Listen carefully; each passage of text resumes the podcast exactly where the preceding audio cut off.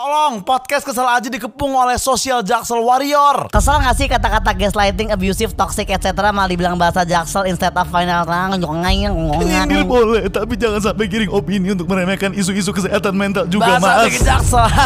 Istilah-istilah yang lo sebut sebagian besar udah ada dari dulu. Antara lo yang gak update atau mau sok keras aja sih. Video atau komen kayak gini sih yang buat warga Indo susah buat improve English skill mereka. Sebagai joke ini salah satu joke paling banal dan garing sepanjang 2021 sih. Kalau mau bikin satir, Lembek, really? Not everyone is strong enough untuk menghadapi masalah mereka. Please banget deh, gak semua orang Menurut kuat. gue daripada lu sarkas-sarkas nyindir-nyindir nyindir kayak gini mending kasih edukasi bang. Jadi lu Gak tau ya, gue kerasa ke offense sama video viral podcast sesel aja yang ngegampangin eksploitasi pekerja yang burnout.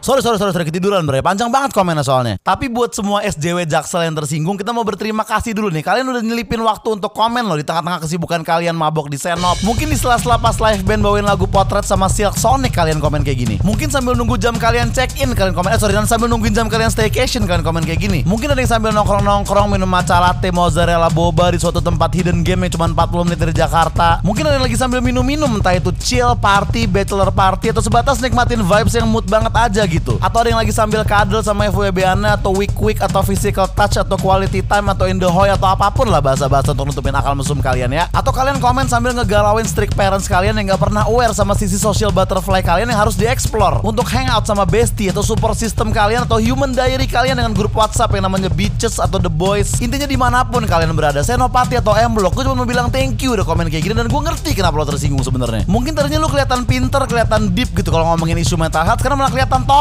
Mungkin tadinya bahas gini tuh bisa ngebantu kalian deketin cewek, sorry bukan deketin sih, bisa bantu kalian ngebungkus cewek, karena malah kalian kelihatan lembek. Jadi gini aja, eh sorry bentar, ini mungkin musiknya terlalu abusive buat kuping-kuping kalian yang halus itu ya. Nah ini musiknya mungkin lebih friendly untuk insecurities kalian ya. Jadi gini, kalau kalian ngerasa podcast ini terlalu abusive, banyak konten lain. Mungkin bisa coba dari podcast Rafathar, tapi jangan sih, mungkin lo akan tersinggung kalau Rafathar ngomongnya nggak sesuai riset atau jurnal resmi. Mungkin bisa denger Mario Teguh, eh, tapi jangan juga sih, takutnya lo tersinggung karena lo nganggap dia itu flexing atau humble break atau di overused. Atau dengerin musik-musik instrumental yang aman aja, tapi jangan juga ntar lo tersinggung karena kontennya kurang edukasi lagi. Karena itu kan argumen-argumen yang kalian pakai di Twitter, argumen-argumen yang bikin kalian anxiety dan panic attack dan TBL. Kenapa nggak bisa terima aja gitu kayak orang Depok atau Bekasi? Kita berapa tahun ngecengin mereka dan gak pernah ada yang bikin tweet tentang itu. Tolonglah tenangkan hati kalian, peluklah FWB kalian dan jangan tersinggung. Ini sebenarnya masih ada lagi nih orang yang sampai bikin tweet pakai dua bahasa di Twitter. Gue pengen bacain tapi ntar pasti kita ketiduran di tengah-tengah.